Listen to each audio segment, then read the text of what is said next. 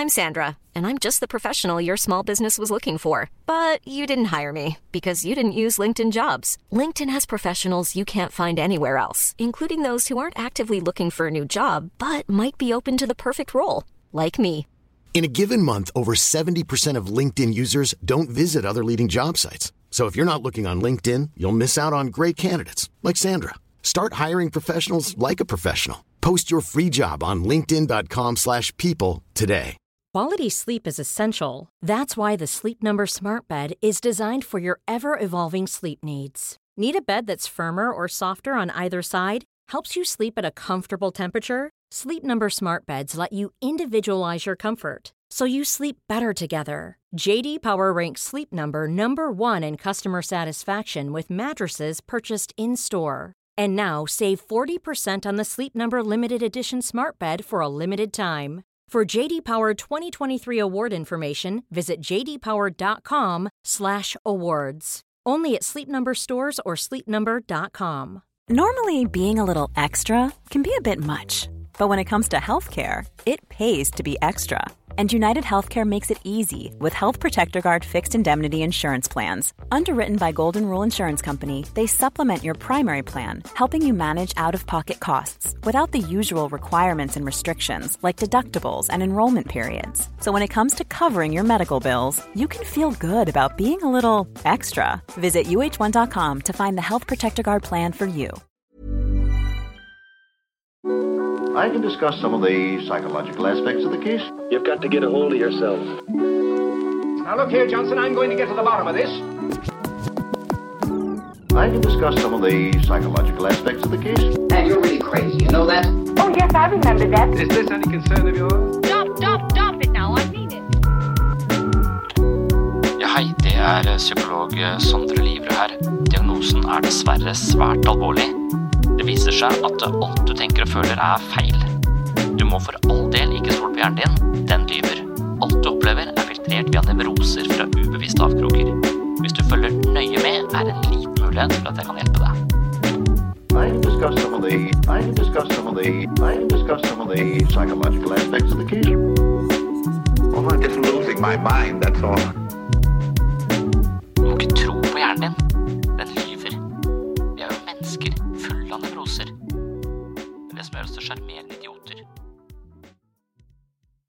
Noen mennesker kommer vi ikke overens med. Noen mennesker misliker vi, og noen mennesker misliker oss. Noen mennesker er blide og joviale, men likevel vanskelig å være sammen med. Noen mennesker er overfladiske, og noen mennesker skylder på andre for ting de selv står ansvarlig for. Alle mennesker har unoter som dukker opp i møte med andre, og gjerne hvis de er stressa eller føler seg pressa. Man kan godt si at eh, noen mennesker har bare ikke kjemi, og da er ikke vennskapet eller relasjonen liv laga. Men kan det tenkes at det er i relasjoner med knute på tråden vi kan lære noe nytt om andre og ikke minst oss selv? Noen relasjoner er også av den typen vi ikke kan unngå, eksempelvis eh, familie, hvorpå vi kanskje er nødt til å forstå hva som foregår for å løse opp i relasjonelle floker. Derfor er eh, innsikt i dynamikker mellom mennesker av stor betydning og trolig noe som kjennetegner psykisk velutvikla mennesker. I dagens episode dykker jeg ned i ulike årsaker til at enkelte relasjoner hjemsøkes av konflikt og ubehag. En måte å forstå trøblete relasjoner på er i lyset av psykiske forsvarsmekanismer. Forsvarsmekanismer er atferd folk bruker for å holde ubehagelige hendelser, handlinger, følelser eller tanker på avstand. Disse psykologiske strategiene kan hjelpe folk med å distrahere seg selv fra uønskede følelser som skyld eller skam. Det sørger for at vi beholder en viss sjelefred i øyeblikket, men det krever av og til en viss forvrengning av selvbildet eller situasjonen, og nettopp denne forvrengningen kan skape kaos i relasjoner. I dagens episode skal vi se nærmere på dette. Som nevnt finnes det mennesker vi er nødt til å forholde oss til, og da kan innsikt være en vaksine som minsker sannsynligheten for konflikt og ubehag. Noen relasjoner kan vi trekke oss ut av, men heller ikke det er alltid så lett. I romantiske forhold er det ikke så uvanlig å gjøre det slutt, men et tematisert brudd i et vennskapsforhold er kanskje ikke så vanlig. Velkommen til enda en episode om turbulente relasjoner her på Sinnsyn. Jeg syns det er veldig uvanlig å gjøre det slutt med, med venner. Det, det, er sikkert noen som gjør det, men eh, jeg gjør det i særdeles Jeg tror jeg kan huske bare én gang det har skjedd. At eh, jeg har liksom blitt enig om at vi passer så dårlig sammen at dette her går bare ikke. Det var helt i starten liksom, at vi bare skulle prøve å se. Men, eh, men det, gikk, det gikk virkelig virkelig ikke, liksom. Og så det ble helt galt. Aldri fått så mye kjeft av kona mi som etter den middagen der. Da ble det helt åpen. Men ellers så, så tror jeg vel man bare bruker den strategien som heter å ghoste folk. Er det ikke det man gjør? Altså man bare unnviker eh, å, å, svare. Sånn at, og det er selvfølgelig heller ikke en veldig heldig strategi. Så er det én ting med de relasjonene som du kan velge, da. Eh, som er litt sånn perifære. Så du trenger egentlig ikke å ha så mye med det å gjøre hvis ikke du ønsker det. Mens eh, så har vi også kanskje folk eh, veldig tett på oss da, som, hvor, hvor det er knuter på tråden. Og da må vi jo Da har vi kanskje ikke det valget at vi bare kan uh, ghoste folk. Man kan gjøre det da òg, men det er ofte litt vanskeligere enn hvis de, hvis de er tett på. Så hva gjør man da med de relasjonene som når jeg skulle undersøke dette, så, så, går jeg i tabloide medier, og da er overskriften 'energityver', kaller de det der. Og så definerer de sju ulike energityver som egoisten, den sensitive, martyren Alle de tingene vi har snakket om som, som kan være slitsomt uh, i, i relasjoner. Men så tenkte jeg kanskje det går an å se det også ut fra, fra forsvar. For jeg tror at hvis du har relasjoner som er fryktelig vanskelige, så må du finne ut av hva er mitt bidrag, og hva er den andres bidrag, og hvordan kan jeg forstå det bidraget som, som kommer inn. Så, så, jeg tror ikke det er noen måte sånn, ja, Hva skal jeg gjøre? Kan jeg bare, hvordan ble jeg kvitt de, f.eks.? Det vet ikke, jeg skifter lås da, og, og flytte, eller bare hemmelig adresse. Det er mange sånne fysiske måter å bli, komme seg unna folk på, men jeg, jeg vet ikke om det har noe så, så jeg, jeg, tror Hvis du først skal være med noen så, hvor du merker at det er ganske problematisk, så, så, tror jeg det beste vi kan gjøre, er å forstå det på en mest mulig nyansert måte. For jeg tror den eneste vaksinen for ikke å bli fanga i et eller annet mønster. F.eks. med martyren, som alltid skal hjelpe, men aldri mottar hjelp, og hele tiden skaper denne ubalansen som du skal føle deg litt som en eh, som en case for den andre, så du hele tiden føler at du, du er i en eh, slags underskudd hvor den andre skal hjelpe og hjelpe og hjelpe, og du får aldri komme i den posisjonen hvor du kan føle deg vel. Sånn at den martyren nærer på at du er i en takknemlighetsgjeld, på en måte. Det, det er en, eh, en, situasjon som, som kan være ganske, ganske, slitsom. Hvis vi kan forstå det, hvis vi kan forstå hva som foregår, så, så, tror jeg vi kan få mindre av den følelsen av tilkortkommenhet eller dårlig samvittighet eller hva det var hva det er den andre gjør i oss. da. Hvis vi kan forstå det, så, så, så tror jeg vi kan eh, Og hvis vi da i tillegg kan være interessert i det, så er det jo eh, i hvert fall mye lettere å være med mennesker som kanskje har noen uvaner. Og det har jo alle mennesker. Så det å legge merke til det og, og se de Ikke det at jeg går rundt og egentlig gjør det, men hvis det er skikkelig vanskelig, så, så begynner jeg å lure på hva er dette for noe? Og, og det siste jeg opplevde i en sånn relasjon, var um, en som ofte sa et eller annet, og så rett etterpå trakk tilbake det de hadde sagt. Men nei da, jeg mente ikke, jeg bare tulla. Og så, så De sier noe, og så tenker ja. Og så går jeg på den eh, Du tenker sånn, ja. Og så Nei da, bare tulla. Å nei, du tenkte ikke sånn likevel. Og, og, sånn hele tiden. Og i og med at jeg liksom hadde oppmerksomheten min der, og hadde bestemt meg for å gi dette mennesket oppmerksomhet, så, så, så, ble det veldig slitsomt. Det ble en energityv. Da, for jeg, jeg, brukte så mye kapasitet på Nei, det var ikke sånn like, altså, De kasta meg fra det ene perspektivet til det andre og lot meg liksom ikke få lov til å forstå noe som helst. Jeg ble bare kasta rundt. Og da gikk jeg til disse, disse forsvarsmekanismene. Og så fant jeg en sånn, eh, som passa, som heter opphevelse eller undoing. Der står det personen håndterer emosjonelle konflikter, ytre eller indre stressfaktor ved atferd som symbolsk erstatter fornektende tanker, følelser eller handlinger. Så personen uttrykker en følelse eller en impuls, eller foretar en handling som fremkaller skyldfølelse eller angst. Pinen forbundet med dette minimeres ved at personen etterfølgende uttrykker det motsatte av følelsen, tilskyndelsen eller handlingen. Så Man kaster ut noe, og så merker man oi, nei, nå får jeg dårlig samvittighet for å ha sagt det, og så trekker man det tilbake igjen. Og det, det er jo en, ja, jeg tenkte, det, det tror jeg det er den personen drev med. Og det var fryktelig forvirrende for meg, for jeg visste ikke helt hva, hva vedkommende mente.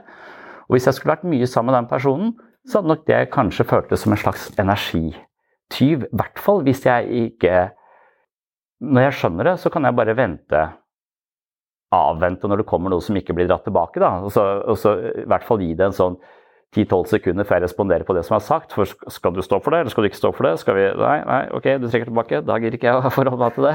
Vent på neste kommentar.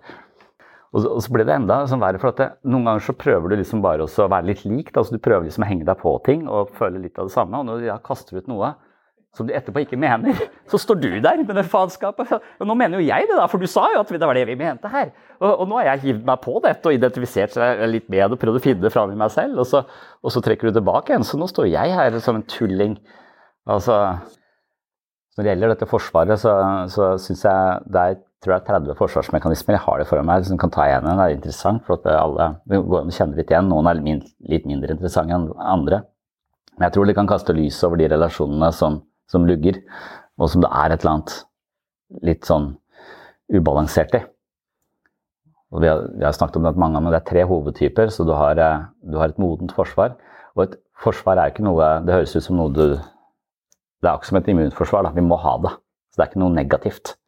Eh, det er noe som vi, vi det er en måte å håndtere følelser på, og et modent forsvar betyr at vi rett og slett klarer å uttrykke følelsen, kjenne følelsen, ta ansvar for følelsen og bruke følelsen i møte, møte med andre uten at vi undertrykker den, som er det nevrotiske forsvaret, den andre gruppa. Undertrykker følelsen eller projiserer følelsen over på noen andre. Så det er det primitive forsvaret. Det er det som går på projeksjon. Det er kanskje det projektive som blir mest forvirrende i relasjoner. For da vil personen ha masse uavklarte ting og forbudte eh, impulser og følelser i seg selv, og konflikter som de ikke klarer å håndtere psykologisk, men da planter noe utenfor. Og da, da blir du ofte en slags projeksjonsskive for andres fantasier så, og uavklarte følelser. Og da risikerer du å føle deg eh, litt fremmed overfor deg selv, da. For du har blitt, du har blitt noe du ikke helt var klar over at du var. Og det, det, det, det skaper litt stor forvirring. og så Hvis du skjønner det, så er det greit igjen. Hvis du skjønner at det er det som skjer, så, så, så trenger du ikke ta det imot. Men idet du begynner å tvile på at ja, da har vedkommende kanskje rett, kanskje jeg er sånn, eh, og du begynner å tvile på deg selv og din egen selvforståelse, som du jo bør gjøre hele tiden, ifølge meg. Alt du tenker og føler er jo feil. Så jeg har en tilbøyelighet til å tenke at det som projiseres min vei, er, det er et snev av, av sannhet i det. Og så må jeg bare finne ut av hvor mange prosent sant det er. Eller jeg må velge hvor mange prosent jeg vil legge i det. Noe avskriver jeg helt. Noe gir jeg 2% noe gir jeg 10% noe gir jeg 20% Så det som kommer min vei, tenker jeg, det kommer ikke helt ut av det blå. Jeg har noen trekk som ligner det den personen har lagt i meg, men, men jeg er usikker på om jeg skal ta ansvar for alt, alt det, så det må, må, må sorteres. Men idet jeg begynner å tvile veldig, så risikerer man å bli det den andre har lagt over i deg. Og da er det ganske mørkt. For da, da, da, da, ble jeg for det første så, så føler jeg at jeg må revurdere alt jeg har tenkt om meg selv. Og så, og så syns jeg det er da, Og det heter jo projektiv identifikasjon. Jeg identifiserer meg med det som er lagt over i meg. Og jeg blir det, og det er ja, det er litt som å miste seg sjøl, for så å finne en variant av seg sjøl som du kanskje overhodet ikke liker. Og hvis det er sant, så er det jo noe du virkelig må, må eie og se på. Men hvis det ikke er sant, så, så, du, så er du fanga i et eller annet psykologisk drama som ikke er ditt eget. Eh, og den, eh, det er ganske sterkt ubehag. Jeg tror det skjer på intrikate måter. Noen ganger så er det litt sånn åpenbart, men, men andre ganger så, så skjer det så, så skjer, Jeg tror nesten 80% av kommunikasjonen foregår jo ikke-verbalt også. ikke sant? Så du, du, plukker opp på ting, og du skjønner at du er noe i den andres blikk som du ikke helt vet hva er. Ja, det, tror jeg, hvis, hvis, det kan være en sånn markør. altså Hvis du blir veldig utrygg på deg selv i en eller annen relasjon, så kan du begynne også, også, eh, også i hvert fall ha den ideen i bakhodet at her kan det være at jeg tillegges noe som jeg ikke helt eh, enten vet om i meg selv, eller ikke hører til i meg selv. Og at du, du da istedenfor å bli ja, Hvis du da klarer å gå over fra utrygghet til nysgjerrighet, så har du virkelig vunnet en kamp, liksom. Men, men det er noe med dette eh, Altså, du kan ikke møte et annet menneske uten å forandre det. Og det er egentlig ganske sånn Altså, hver gang jeg ser på noen, hver gang jeg snakker til noen, så vil jeg komme til å til på en eller annen måte sette et fot, fotavtrykk inni det mennesket, og det mennesket ved å se på meg vil sette et fotavtrykk i meg. Så du kan jo aldri møte et menneske uten å forandre det litt. Og det projektive er litt sånn at du har såpass mye uavklart inni deg selv, så du ser ikke den andre. Altså det er en litt lav mentaliseringsevne. Mentaliseringsevne betyr å prøve å se den andre sånn som den er, på en så korrekt måte som mulig. Men hvis du har masse traumer og faenskap, så er det lett for å se andre mennesker for å, den ligner den personen. Så da, da, da, er det sikkert sånn at du plasserer de veldig kjapt i en bås. Og den båsen den, den isolerer du. Du forholder deg til de som om de hører til den båsen, men du kan ha bomma ganske kraftig. da.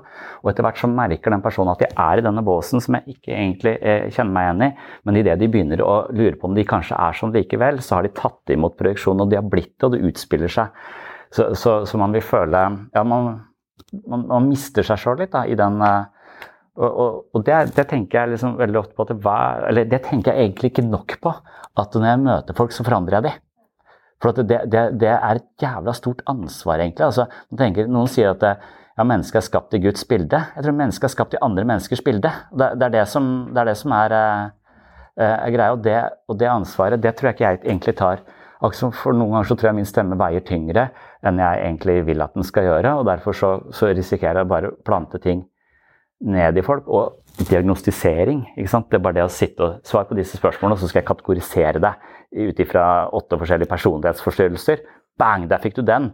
Altså Når jeg har sett deg, jeg, jeg har kalt deg det, og når du blitt det, liksom det, det, er, ja, det, er, det er sånn, Iboende motstanden min mot diagnostisering er nok den derre fornemmelsen av at du forandrer ting i det du kaller det nå.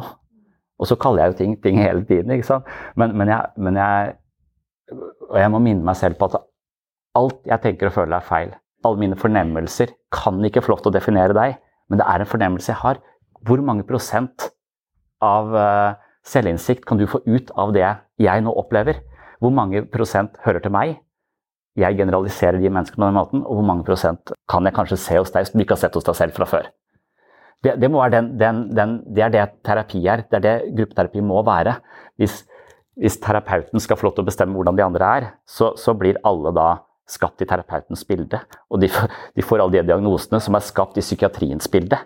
Istedenfor å finne ut av Litt som en dans. ikke sant? Altså, når du er to, altså, hvis du skal lære pardans, så må det være to stykker. Men du kommer til å la deg påvirke av den andres bevegelser og takt og, og, og rytme. Så, og det kommer til å påvirke deg, og du kommer til å påvirke den andre med din takt og rytme. Og så må vi se, finner vi noe som, noe som svinger eh, i takt her. ja, og jeg, jeg, tror liksom at det, det, det, alltid, det sånn vil det alltid være. Altså noen, noen, har vi, noen har vi Det som er god kjemi, det vil jo kanskje være modent forsvar i høy grad. To mennesker med modent forsvar vil ta ansvar for sine følelser. De vil være en viss grad av ganske høy balanse, og de vil også være ganske interessert i den andre. uten å det sto et eller annet sted, jeg klarer ikke å finne det sitatet men, men eh, når det gjelder disse personlighetsforstyrrelsene, som også vil være noe som melder seg i det mellommenneskelige, eh, måter å være på som du har tillagt deg fra ulike erfaringer fra barndommen, måter å ikke regulere følelser på eller eh, holde ting skjult osv. Det er ting, ting, du tar med deg. Altså, mens, eh, mens, to mennesker som virkelig bare svinger sammen, de er nok i en viss grad av balanse, og den andre trygger de såpass mye at de ikke har noen personlighetsforstyrrelse, selv om du har en personlighetsforstyrrelse i en annen setting. Så, så det er veldig kontekstspesifikt. Jeg mener ikke at det dermed er en fastlåst størrelse. Du kan oppføre deg som om på det mønsteret i møte med den typen osv. Men, men, det er noen jeg tror det er litt med det at disse, noen av disse eh, som virkelig lever på et eller annet sånn psykisk underskudd, de bruker relasjoner istedenfor at de skaper mening og næres i relasjoner. Og jeg vet ikke hva det andre Jeg husker bare, jeg husker bare at det er en forskjell på å bruke en relasjon og på en måte næres i en relasjon. Fordi du bruker en relasjon, så er du i et underskudd. Du trenger noe. En sånn dramatiserende personlighet uh, f.eks. er veldig sånn higer etter all denne oppmerksomheten, vil alltid være i sentrum. Tar alltid, og, og, og, de bruker relasjoner. De, tror, de rapporterer veldig ofte at de har ganske nære forhold. Men, eh, men, hvis du spør de som de påstår de har nær seg, så vil ikke de føle seg nær dem i det hele tatt. Fordi, eh, fordi de er eh, på en eller annen måte brikker i deres oppmerksomhetsspill. Og jeg snakker om alt. Og så, ja, for du, du, du, føler mye hele tiden, men det er helt umulig. Det er såpass oppblåst at det er helt umulig å, å merke det eller komme nær det. Du, du blir mer en slags tilskuer til en tornado. Og vi er så nærme. Nei. Jeg holdt på å bli blåst i bakken. Det var det som sånn, Dette er jo histrionisk eller dramatisk personlighetsstruktur, kan man si. Så jeg tror det er veldig mange sånne, men uh, i det noen bruker relasjonen istedenfor å bygge, danse, istedenfor å uh, drive og få til en dans sammen, hvor jeg kommer i en ny rytme, du kommer i en rytme, og vi får til et samspill som vi begge vokser i, det er jo en god relasjon. I brukerrelasjonen så, så er det noe, noe, noe, helt annet. Og Én ting kan det være dette projektivet, det er det mest primitive, ikke sant? hvor vi ikke tar, klarer å ta ansvar. Uh, mitt eksempel har alltid vært at jeg sier til kona mi jeg syns du virker sur. Så Når jeg gjentar det tre ganger, så er hun sur. Selv om det er jeg som egentlig er sur. Så, så da har jeg jo plassert min egen surhet over i henne, og hun har tatt den imot. Hun er sur. Og det er veldig forståelig ut ifra at jeg påstår at hun er sur hele tiden. Så, så det er liksom det mest sånn tydelige eksempelet hvordan vi kaster ting over det. Det, det, det er det primitive. Mens andre ting som kan være vanskelig i en relasjon, er f.eks. også undertrykkelse, mer i det unnvikende eh, spekteret. At man i veldig liten grad sier noe som helst om hvem man er. Det har jeg også litt sånn Det er derfor jeg syns gruppeterapi, altså det hele, hele, konseptet om å prøve å si mer om hva som foregår her, det gjør meg ganske trygg, og jeg føler jeg kommer nærmere folk. fordi at jeg, ute så møter jeg av og til mennesker jeg påstår ikke har noen psykologi. Jeg ser på de som, mer som roboter, nærmest. Jeg aner ikke hvem dette, dette mennesket er. For det, for, og de snakker sånn som alle andre mennesker snakker. De sier ting som alle andre sier, men likevel så har jeg sånn Jeg vet ikke hvem du er. Jeg aner ikke hvem du er.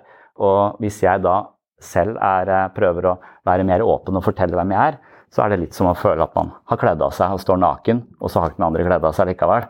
Og det er ganske, ganske ubehagelig, så da, da, føler jeg ikke noe connection. Og, og, det er nok eh, mer en type undertrykkelse, eller holde, holde følelser veldig på, på avstand. Og hvis du undertrykker følelser, så kommer vi kanskje tilbake til det vi snakket om sist, eller for noen ganger siden, det passivt aggressive. F.eks. hvis du da blir irritert og bare smiler og ikke sier noe om det, så vil det på en eller annen måte sive ut. da. Forskyvning er en, eh, er en forsvarsmekanisme som sannsynligvis forstyrrer relasjonen litt. Da står det at eh, målet vårt er egentlig å få uttrykt følelsene, sånn at vi slipper å enten undertrykke de eller kaste de over på noen andre. Så vi trenger å gi det et uttrykk. Så de modne forsvarene det er jo f.eks. sublimering, at vi maler.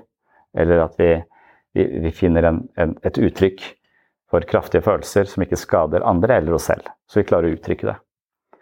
Og forskyvning gjør for så vidt det. Du uttrykker følelsen, irritasjonen, men istedenfor å uttrykke den mot det objektet hvor det egentlig hører hjemme, så tar du det mot noen andre som er mindre truende.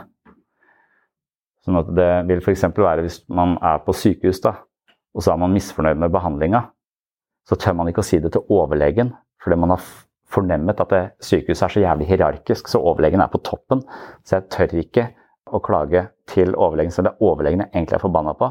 Så tar jeg det heller på sykepleieren som, eh, som kommer inn hver dag, så jeg, så jeg er sint den veien. Så får du uttrykt følelsen, men på et mindre truende, på truende, på et mindre truende sted. Da.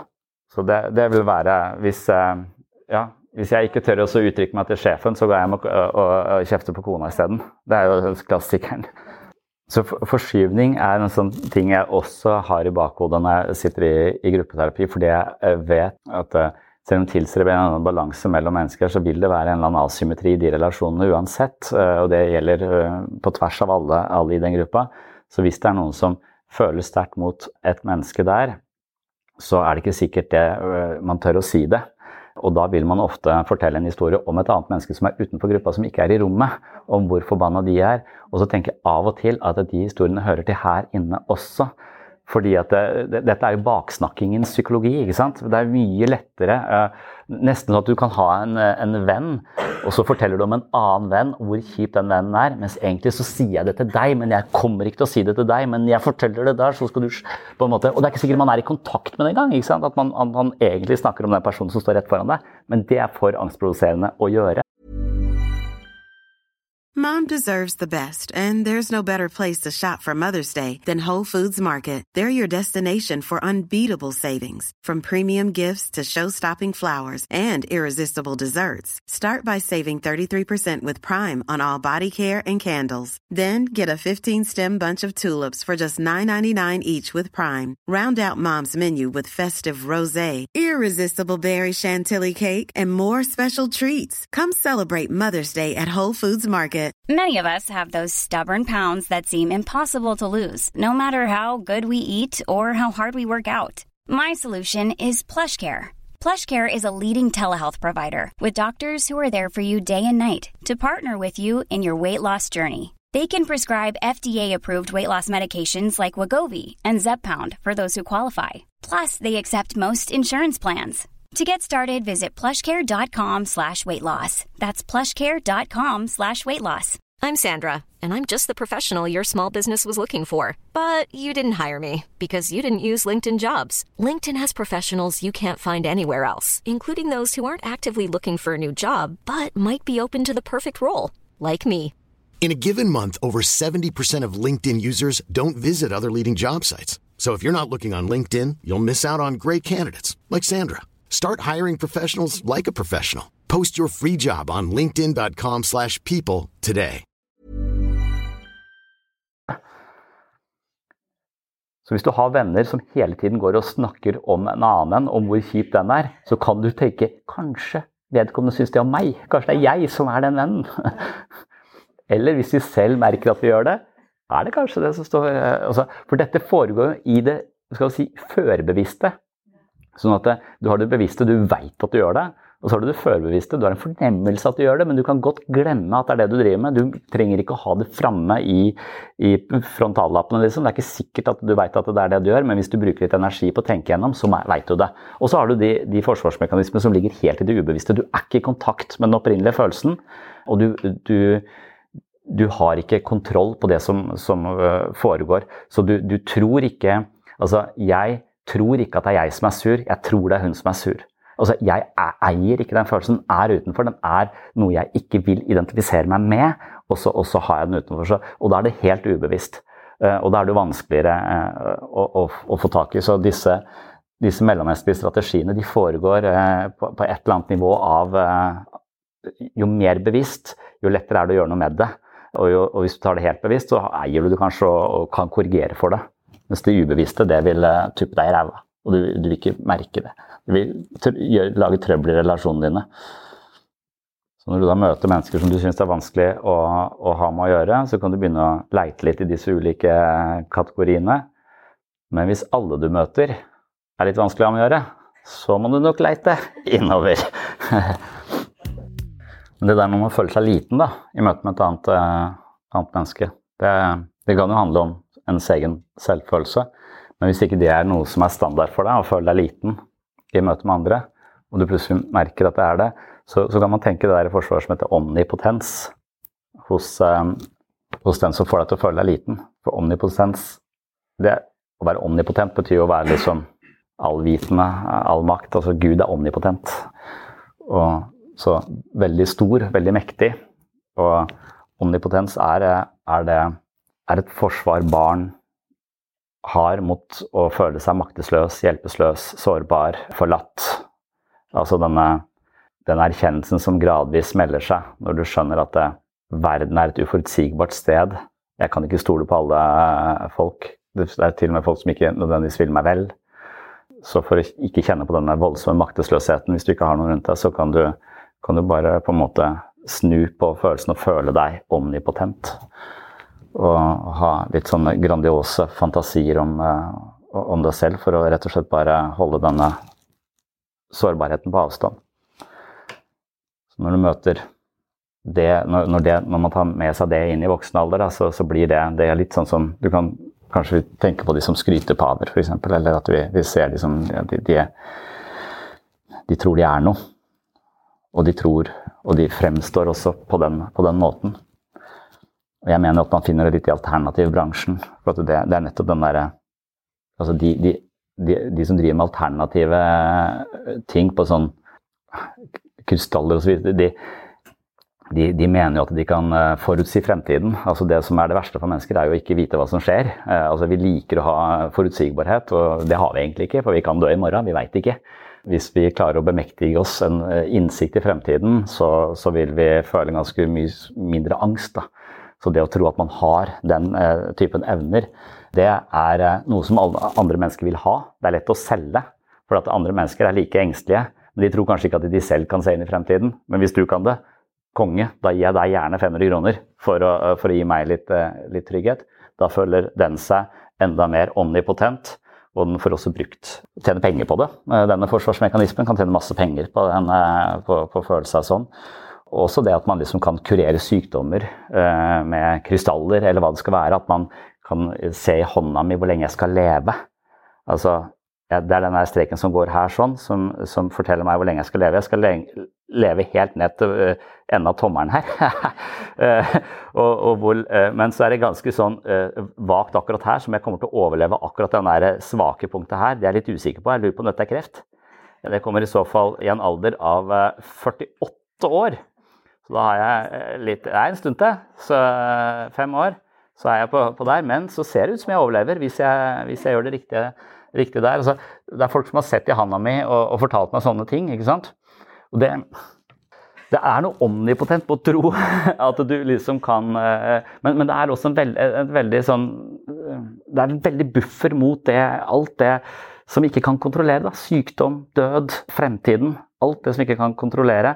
Det, hvis, vi, hvis, vi, skal leve i denne uforutsigbarheten, så er vi ganske maktesløse. Og det å tåle den maktesløsheten, det krever ganske masse mentale krefter. Så det er ganske uh, naturlig at vi, at vi, kan få den uh, Oppleve det der. Og så du får litt makt over men mennesker, så du føler deg litt stor med den typen egenskaper. Så. Og I møte med den omnipotensen så tror jeg man også kan komme til å føle seg litt eh, liten. Men nå er man ikke prisgitt tilfeldighetene lenger, nå er man prisgitt denne personen. Og det er litt mer kontrollerbart. Før så var jeg prisgitt eh, skjebnen, liksom. Jeg vet ikke hva som skjer i morgen. Nå er det du. Hvis jeg får de krystallene og legger de under puta, så er du min beskytter, på en måte. Så det er en, det er en veldig sånn fin dynamikk der som får to mennesker til å føle mindre angst. Men det er jo bare bullshit. Eller det, er, det, det, funker jo, så jeg er litt usikker på skal, La oss bare kjøre på med disse hvis det demper angst. Er det greit? Du føler det, men, men det er problemet er at det er en unnvikelse av den maktesløsheten hvis det fungerer som et forsvar. Og da er jeg underforstått at da tror jeg ikke at noen kan snakke med engler likevel, da.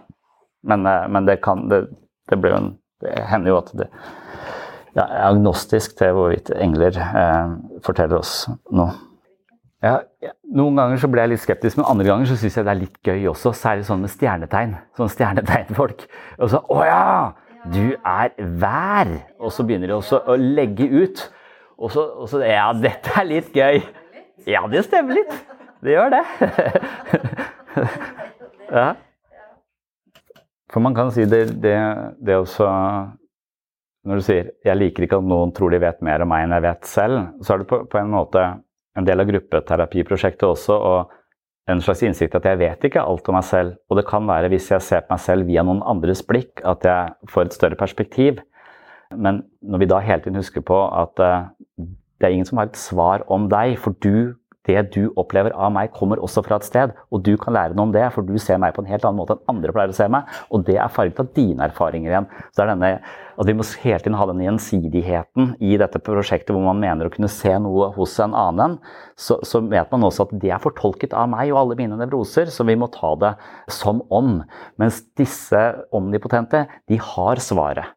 De vet noe om deg. Du vet ikke bare selv. Og hvis du, hvis du stritter imot, så, så, er det bare motstand. Eller, eh, de, de, de, vil ikke se innover. De vil ikke undersøke sin egen trang til alltid å, kunne bemektige seg eh, fremtiden, eller, eh, eller, hva det skulle være.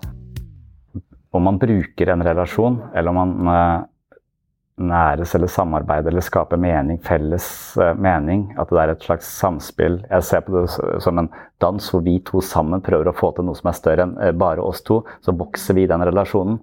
Mens, uh, mens det motsatte er å bruke relasjonen. For da, da, er du et underskudd. Du bare trenger den andres bekreftelser. Eller ja, det, det, er, det, er, så mange ting som kan skje der når du bruker en, en relasjon.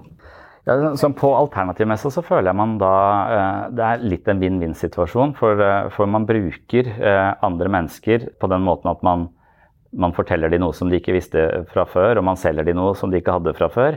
Og det gir meg en følelse av at jeg faktisk er så mektig som jeg, som jeg tror, så jeg slipper å kjenne på maktesløsheten min. Samtidig som det andre mennesket også får noe ut av den relasjonen for det de tror på det og føler seg tryggere med det de nå har kjøpt. Så, så, på en eller annen måte så, så er det en transaksjon her som, som er litt vinn-vinn-aktig, bare at den ikke er helt nødvendigvis virkelighetsnær. Så den personen som selger det, har et forvrengt selvbilde. Jeg hørte akkurat Medisinmannen, den podkasten. Han eh, indianeren som tilsynelatende var en indianer som virkelig har misbrukt sykt mange mennesker opp igjen. Den, den, han har nok dette omnipotente forsvaret til, til, de grader. Han blir en sektleder som virkelig bare utnytter eh, folk, og masse folk dør. Ja, man kan si hva, hva, Når omnipotens sier det er en vinn-vinn-situasjon, så, så, demper det angst hos to mennesker. Men, men, jeg tror som du sier, det er veldig midlertidig. Det er der og da. Og, og, du lever fortsatt på en livsløgn som er veldig langt fra virkeligheten. Og på lang sikt så er nok ikke det en god måte å leve på. Men det er litt det samme som skjer. Altså, det er den forskjellen vi snakket om sist. Altså, hvis du våkner på natta med kaldsvette og uro, og, og du da i kraft av kirkejord tenker at dette er en tjenende ånd, som, eh, som, har kommet og som hjemsøker meg for, for at jeg skal ransake sjelen min, så er det en slags invitasjon til å forstå seg selv dypere, komme nærmere seg selv. Altså Psykoterapiprosjektet handler om å få en mer realistisk oppfattelse av seg selv, som ikke er filtrert eller forvrengt av det som man kaller bildeforbrengende forsvar, eller, eller, ulike strategier som gjør at vi Rasjonalisering, hvor vi, egentlig, hvor vi forklarer vekk følelser istedenfor å ta ansvar for de følelsene. Vi legitimerer noe vi vet var galt, men vi likevel lager en forklaring på at det er det.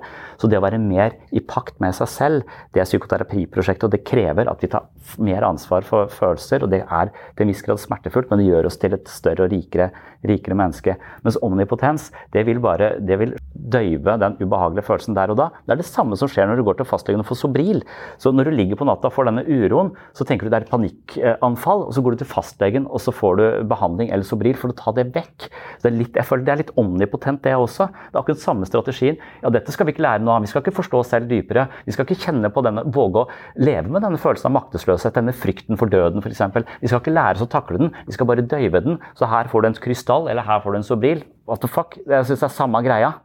Så, eh, så alternativbransjen og fastlegen føler jeg er litt i samme bransje.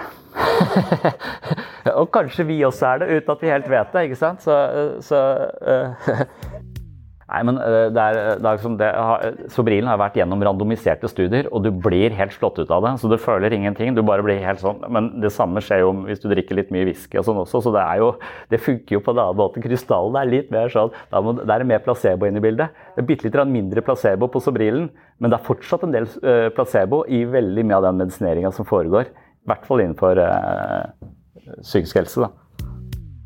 En annen, ting som står, en annen ting som jeg tenker lugger i en relasjon, er eh, noe som på en måte eh, ligner litt på omnipotens, men, men det, er, det, er, denne følelsen av Eller denne iboende følelsen av å være liten i en stor, stor verden som man har når man er barn. Og da hvis man har trygge omgivelser og blir ivaretatt, så skal man langsomt lære seg å, å leve med den uforutsigbarheten som det er å, å, å, være i livet. Men hvis man er helt alene og ikke føler noe trygghet, så trenger man sterke forsvarsmekanismer og buffere mot disse erkjennelsene, disse eksistensielle erkjennelsene. om at du er helt alene i, i, i, verden. Det er for mye å bære. Så da må man utvikle sånne, sånne strategier. Og en, en strategi er å, å idealisere folk. Sånn at du, eh, du, du, du merker noen mennesker som hele tiden snakker om bekjentskapene sine som eh, for det første nærmere enn de egentlig er, og som veldig fantastiske. Sånn at ja, Fastlegen min er ekspert på det, han er, han er professor i det. Altså, ja, eh, kompisen min han, så, sånn at De hele tiden snakker opp nære relasjoner. For det, de har en relasjon til det, så gir de de en følelse av trygghet og mer verdi som, eh, som mennesker. Sånne følelsen av verdiløshet eller maktesløshet den, den, kompenseres for ved å idealisere eh, folk man har, eh, man har, rundt seg. Og de snakker veldig ofte opp relasjonene sine, og så vil det kanskje sett utenfra virke litt sånn halvveis løgnaktig, da, eller litt sånn skrytete, kanskje. Du, altså, det, det, det, merker jeg en trang til av og til. Også hvis jeg har møtt noen som jeg liksom ser veldig opp til, så har jeg lyst til å fortelle det til noen, at jeg kjenner den personen. og så hvis du spør den personen, så husker de ikke meg. så det er, det er, det litt sånn Men, men jeg, jeg, kan kjenne, jeg, kan kjenne, jeg, kan kjenne, det behovet. Eh, og akkurat hvis jeg kjenner en person, gir det meg litt mer, mer verdi, da. Litt sånn, ja. Men, men, en annen variant av idealisering er mer sånn projektivt igjen. At, at, det ligger en grad av manipulasjon i det. Så det møter, Hvis mennesker blåser deg opp i møte med det Det kan være passivt aggressivt, som vi snakket om en gang, men det kan også være en, en sånn Altså det projektive istedenfor å se på ting ved deg som er negativt. Ting jeg ikke orker å ha i meg selv. Jeg, jeg er sur, men jeg orker ikke ta ansvaret for at du er sur. Da putter jeg over noe, noe kjipt. Men det er også noen som putter masse pumper opp et annet menneske. Og gjerne sammenligner med andre. Ja, Før så hadde jeg en sånn behandler, de var helt udugelige. Men du er sikkert mye flinkere, du er mye bedre. Ja, du kommer til det. Så du, plutselig så, så, blir du satt på en sånn pidestall, så tenker du at denne personen har en så høy forventning til meg og har fortalt meg hvordan jeg er og hvor fantastisk jeg er. Så nå må jeg faen leve opp til dette, da. Og når de da spør om et eller annet, så er jeg nødt til å imøtekomme det. For jeg orker ikke å skuffe denne personen. Frykten for at du da faller ned og blir helt sort. Ja, du var akkurat lik alle de andre, du, ja. ja. Det var ikke noe bedre her, nei. Ikke sant? Den, den der å falle altså de, de, pumper det opp der, sånn at du ikke tør å, å svikte, for da faller du så jævlig langt. Så istedenfor bare å ha deg sånn midt på, så ok, jeg falt litt, det var ikke så vondt, men når du faller derfra og ned, så er det sånn åh. Så jeg kan merke at du blir fanget av en sånn type skryt og, og tilbakemeldinger som gjør at det, jeg gjør alt du sier, jeg, for at jeg vil bare beholde den stjerna jeg har fått hos deg. Og jeg motiveres nå av å ikke miste den anerkjennelsen som du hele tiden gir meg. Men det føles veldig ubehagelig, og man føler seg litt manipulert. da. Og det, det tror jeg også er en sånn eh, kanskje, kanskje, den andre har behov for at, jeg, for at du er helt fantastisk. At du er den som alltid stiller opp for meg. Du svikter meg aldri. Jo, det kommer jeg helt sikkert til å gjøre. I hvert fall når man blir dritstressa for, for å ikke gjøre det. Sånn, sånn, du, du, har fått så mye sånn på deg. da. Det er jo en måte å binde, eh, binde folk litt uh, til seg, som de sikkert trenger. Altså, det er en måte å bruke relasjonen på det ikke sant? Det er ikke, det er ikke en innsidighet her. Det er en Nå har du fått så mange komplimenter av meg at du står i gjeld. Så hver gang jeg trenger noe, så er du der. Hvis ikke så er du ond. Det er, det, det er i hvert fall det som er fantasien under der. Da. Og det vil jo være en Det vil sikkert være noe som dukker opp i, i sånne bestevennforhold. Altså sånn Ja, vi er sjelevenner. Å, faen, sjelevenner. ja, vi stiller opp for hverandre alltid. Å, shit, jeg skal egentlig på fotballtrening nesten hver eneste ettermiddag. Jeg har ikke tid til det. ja, nei, folk som gir gaver sånn utenfor uh, høytider og bursdager, er jo ikke så, så, lett å vite hvordan. Og så Du nøytraliserer det og vippser de etterpå, tenker jeg. ja. Jeg har også sett eh, Dattera mi har en tendens til å pakke inn noen av lekene sine når hun skal bli invitert til noen andre for å gi dem noe. og litt sånn, ja, Føler du at du må gi noen noe for at de skal være leke med deg? Og det er noe sånn veldig sårt. Ja, jeg husker en som gjorde det på barneskolen. Han hadde alltid med en leke, og det var liksom den jeg er interessant fordi jeg alltid har med en leke. Jeg har med en ny leke hver eneste dag. Jævlig mye leker. Han har med en ny leke hver eneste dag i seks år på barneskolen. Men det er liksom det vi husker han for også. Jeg husker nesten ikke hva han heter engang, men jeg husker traktoren hans. Altså, det, er sånn, eh, det er et eller annet med altså, Du introduserer en form for prostitusjon tenker jeg, i, i relasjonen. For det, det, er sånn Nå har jeg kjøpt, eh, nå har jeg gitt deg noe, så nå har jeg betalt eh, for noe. Så det er vanskelig å få den likestilt. da. For det, den, nettopp den der følelsen av takknemlighetsgjeld hvis du har fått, fått mye, skaper en, en ubalanse. Med mindre det er en kulturell greie, som du sier, at dette er noe som folk driver med. Men i så fall så, så kommer jeg til å begynne å vippse de. Altså. Hvis jeg, at jeg har heldigvis ikke vært i den typen relasjoner. men det er litt trist at det å bare gi noen en gave skal tolkes på denne måten. det, er, det er en eh. Hvis jeg står i garasjen og kommer med et glass vin, så tenker jeg dere skal tippe meg over i alkoholisme, for det er jeg så nær nå. og Så kommer du med vin i tillegg. Ja, faen. Det har jeg sett på som en nærmest en fornærmelse. ja, det er, det er, noe sårt i det. Og det har vært flere som har snakket om det her inne, at de har ansett det som det de altså Noen sier det kommer fra en sted at jeg ikke føler meg spesielt eh, verdifull eller interessant, men jeg eh, kan i hvert fall lage mat. Så jeg kan gi folk mat, jeg kan gi dem middag, jeg kan, jeg kan gi noen noe. Og så tror de at det er en veldig, veldig god ting, men så setter de andre i takknemlighet selv. Så jeg tror det, det, det er det de, de, tror at det er en veldig, veldig givende ting i den relasjonen. Men de skjønner også at folk trekker seg unna nettopp pga. det. For det, den, med en gang du gir noen noe, så har du også på et eller annet måte det, det, er litt den der eh, som vi snakket om, Hvis du har avtalt med kjæresten å ikke gi noe på julaften, og så gjør de det likevel, det er faen så dårlig gjort. Da sitter du der. Ja, du kjøpte en klokke, du, når vi sa at vi ikke skulle eh, gi noe som helst. Ja, det var bare for å være snilt. Det er ikke snilt. Du, du setter meg i verdens verste posisjon. På julaften! Hva er det som ligger i en, en, relasjon? Det er jo ubalanse. Hvis det er en eller annen form for, eh, for ubalanse. Og med en gang, Da mener jeg at det er begge sitt ansvar da, å sørge for den, uh, for den balansen. Og med en gang du litt ut av eh, det blå gir noe, så, ha, så, har du satt balansen på prøve. Altså Hvis vi kjenner hverandre så godt, så jeg bare visste det trengte jeg bare at, altså at det er en helt vi, vi, kjenner balansen så godt, vi har en så god balanse. Men hvis det er relativt nye relasjoner, og det blir hele tiden et sånn giverforhold den ene, den veien, så, så har du Selv om det er fordi at jeg føler at jeg må bidra med noe, jeg vet ikke om jeg er interessant nok som den jeg er, så, så vil det likevel ødelegge relasjonen. For at det er eh, det beste du kan gjøre nå, er å slutte å gi folk ting, selv om du føler det er det du har å bidra med. For det, det, det introduserer en asymmetri i relasjonen som andre vil føle seg ukomfortable med og kommer til å trekke seg unna. Dette er, det er nettopp din sjenerøse giverglede som sørger for at du ikke har gode relasjoner. Fordi at det er begges ansvar. Er, og jeg føler på dette ansvaret at det skal være likestilt. så derfor så Hvis jeg får mye, så ville jeg måtte, følt at jeg måtte gi det tilbake igjen for å utligne. Og da har jeg en sånn anstrengt sånn der Hva faen skal jeg finne på nå, da? Da, da kan man ikke heller uh, Rasjonalisering er jo også en ting i en relasjon som jeg syns skaper en sånn litt uggen dynamikk. For det man ofte blir igjen liksom forført til å kjøpe en forklaring som du ikke helt er sikker på om stemmer.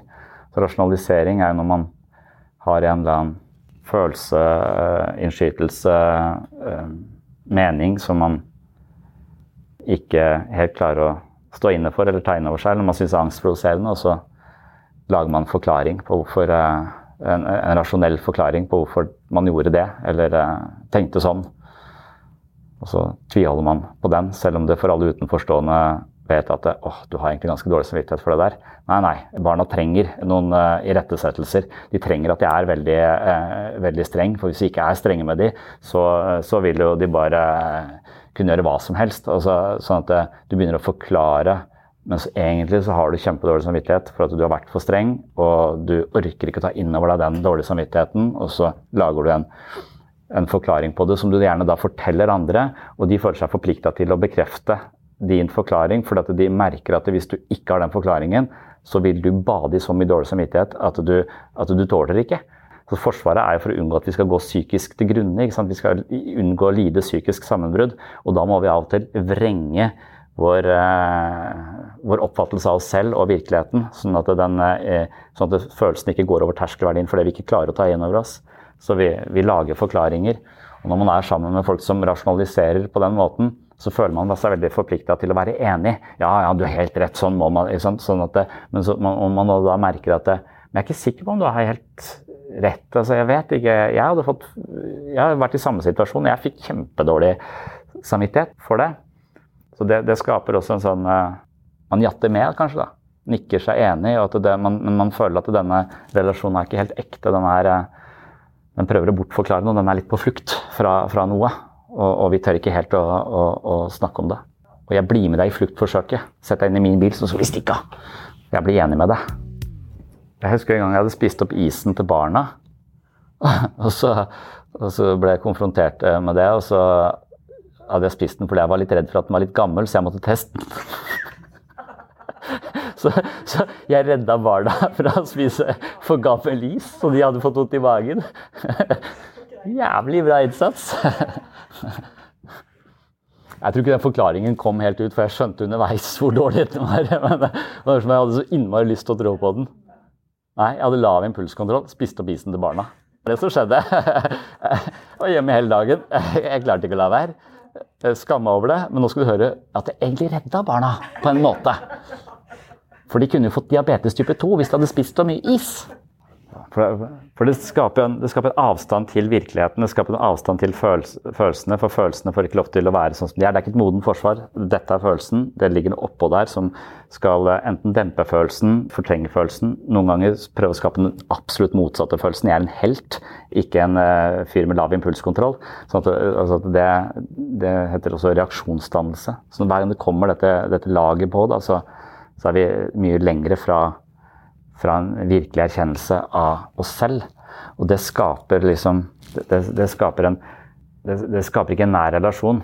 Og intellektualisering ligger liksom i samme gata som rasjonalisering. Intellektualisering er at det, ingenting blir personlig. Man bruker ord som mann istedenfor jeg, og man, man, lager Man har et intellektuelt forhold eh, til alt. Alt eh, er eh, Ingenting kjennes i hjertet, men alt kjennes i hodet. Så når du spør hvordan du føler deg, så får du aldri et svar på hvordan personen føler seg, men du får en forklaring på hva vedkommende tenker, eller hva vedkommende har gjort. Så du vil aldri komme til, til følelsene, du vil bare få intellektuelle. Og det virker kaldt, og det virker også som om vi ikke kan være nær hverandre. For det, det er et relevant svar du gir meg på, på hva, du, hva du føler, men istedenfor å si hva du føler, så, så, snakker du om eh, blodsukkeret ditt som eh, var sånn og sånn, og, og eh, jobben som har krevd så mye, og derfor så er det sånn og sånn, og det gjør noe med eh, nevrokjemien i hodet mitt, og jeg har sopp, ja, ikke sant, og testosteronnivået sånn og sånn. Å ja! Jævlig fin forklaring på hva du føler. Det er en ren sånn vitenskapelig analyse av, av din egen biologi som fører til denne handlingen. Det, det, er, ja, det ligger på et nivå som er så eh, vanskelig å føle for. Mann er veldig upersonlig. Det er nesten så, så upersonlig at jeg, jeg, selv av og til eh, lyver på jeg-form bare for å komme nærmere i en relasjon, nesten. Eller ikke lyver, men sier jeg-form og overdriver jeg-formen og de impulsene jeg har. F.eks. å spise is. Jeg tror ikke det var så mye is jeg, jeg spiste, jeg husker ikke helt. Men, men at jeg kan liksom bare identifisere meg med den følelsen av litt dårlig samvittighet. og så, så, så ja, og så snakke om det, Hvis man snakker om det personlig, så er det så mye lettere å connecte med et annet menneske. Så noen ganger så nesten Men det er da man føler seg avkledd, da, hvis man møter en veldig sånn intellektualiserende eh, motsvar som overhodet ikke er eh, identifiserer seg med noe av dette. Men ja, det er fordi vi er mennesker. altså den eh, Draget etter karbohydrater det har vi med oss fra evolusjonens eh, side. Ja, greit, men jeg føler meg ræva fordi jeg spiste opp den isen.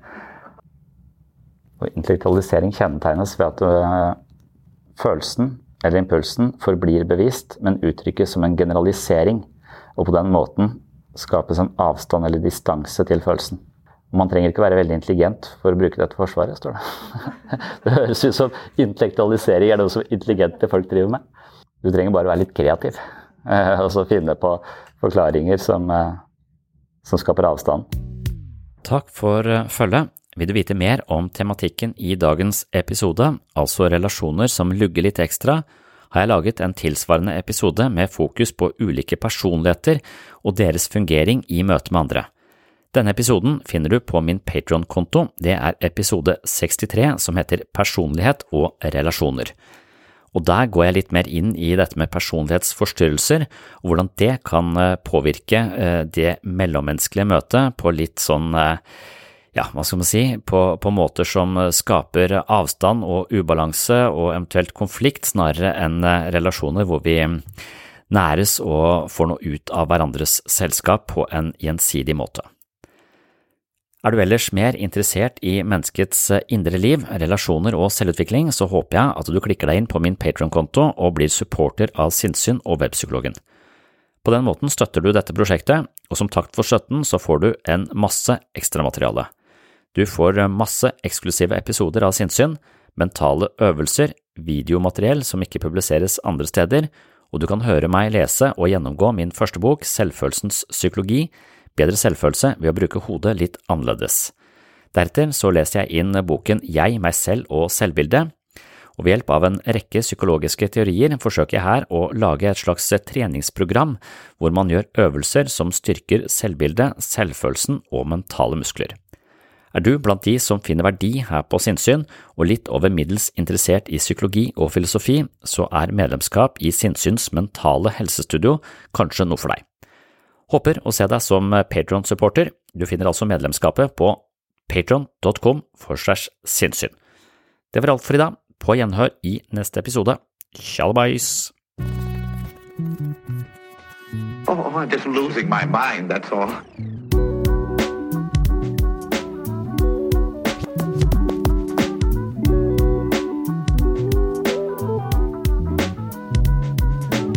I can discuss some of the I can discuss some of the I can discuss some of the psychological aspects of the case. Psycho, psycho, psychological aspects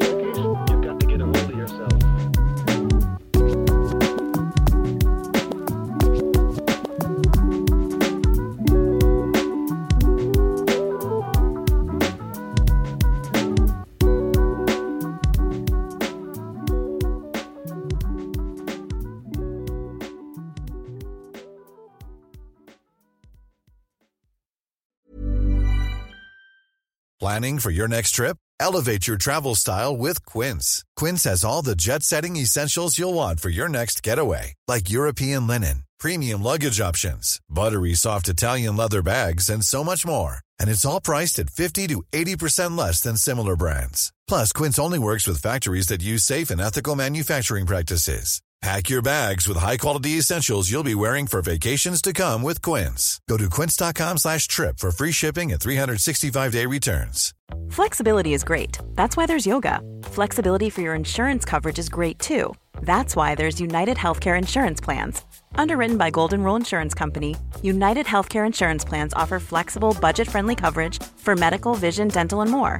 One of these plans may be right for you if you're, say, between jobs, coming off your parents' plan, turning a side hustle into a full hustle, or even missed open enrollment.